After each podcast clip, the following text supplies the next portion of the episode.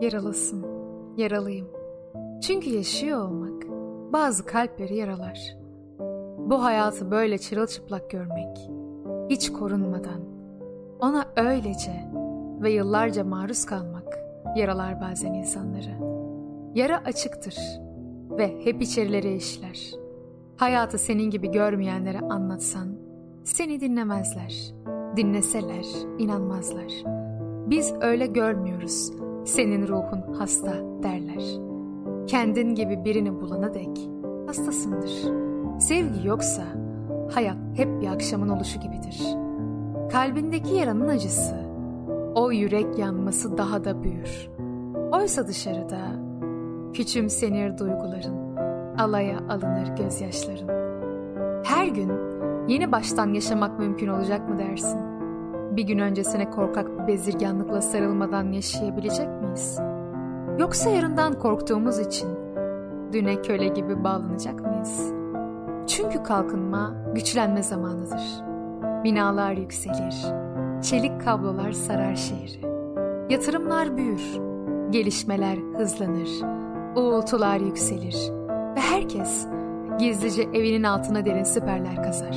Duygular, anılar, sayıklamalar, tuhaf rüyalar, her şeyi bırakıp bir eve, bir adaya, uzun bir yola kapanma düşleri gömülür içine. En yakın arkadaşın mavi bir adam, mavi bir kadın olur sen böyle kalmaya inat ettikçe. Şimdi güçlenme zamanı, şimdi kalkınma zamanıdır onlara göre. İlerlemek, kendini kanıtlamak için, büyümek denir adına. Benliğini içeri, çok daha içeri çekersin.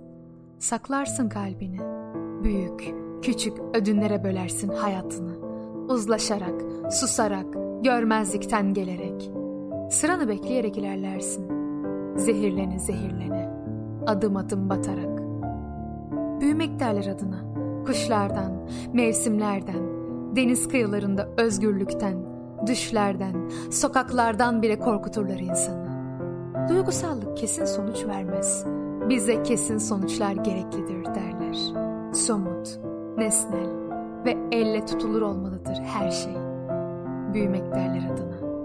Benlik içeri çekilince ve üzeri boşluklarla örtülünce büyük bir yorgunluk ve korku başlar.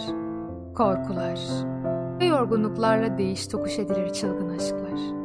Alıp başını bilmediğin yollara düşmek, kazandıklarını tek bir jest için bir anda kaybetmeyi göze almak. Binalar yükselir, yatırımlar büyür, gelişmeler hızlanır, iktidar güçlenir ama insanlar umutsuzluktan delirmiş define ağacıları gibi birbirlerinin gövdesinde kaybolmuş aşklarını ararlar. Büyümek derler adına. Kimse kimsenin gözlerinin içine bir daha korkusuzca, saf ve duru bir su gibi bakamaz. Aşk aslında birinin gelip yarana dokunmasıdır. O zaman yaranı örten, seni boğan o büyük boşluk aralanır. İşte o zaman korkuların biter, utanç diner. Anlarsın ki o boşluk sana ait değildir. Aslına dönersin ilk haline, yaralı haline. Yara iyileşir mi peki? Hayır. Ne kadar büyük ve güçlü olursa olsun hiçbir aşk bu yarayı iyileştiremez.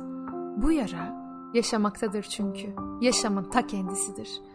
Ama aşkı yaşayan insanlar bu yüzden çok gururludur. Bunca acıya rağmen yaşayabildikleri, bu acıya dayanıp ayakta kalabildikleri için gururludurlar. Çünkü bu yara asla boşluk ve korkular gibi değildir. Senindir, sana aittir, varoluşundur, sahicidir. Bu yaraya dokunduktan sonra, bu yarayı hatırlattıktan sonra çekip giden o sevgiliye derin bir öfke duyulur. Çünkü yaralı insana kendisiyle buluştuktan sonra yeniden boşluğa düşmesi ölümden bile korkunç gelir. Çünkü korkusuzca soluk alan yaranın üzerine yine büyük bir hızla o eski boşluk örtmeye başlar. Unutkanlıklar, korkular, boyun eğmeler, ertelenen düşler, uzlaşmalar.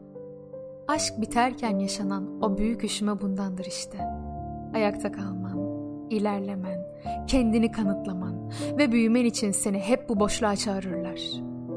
Büyümek dedikleri aslında bu korkunç boşlukta hep üşümektir. Hep üşümektir. Hep üşümektir. Hep üşümektir.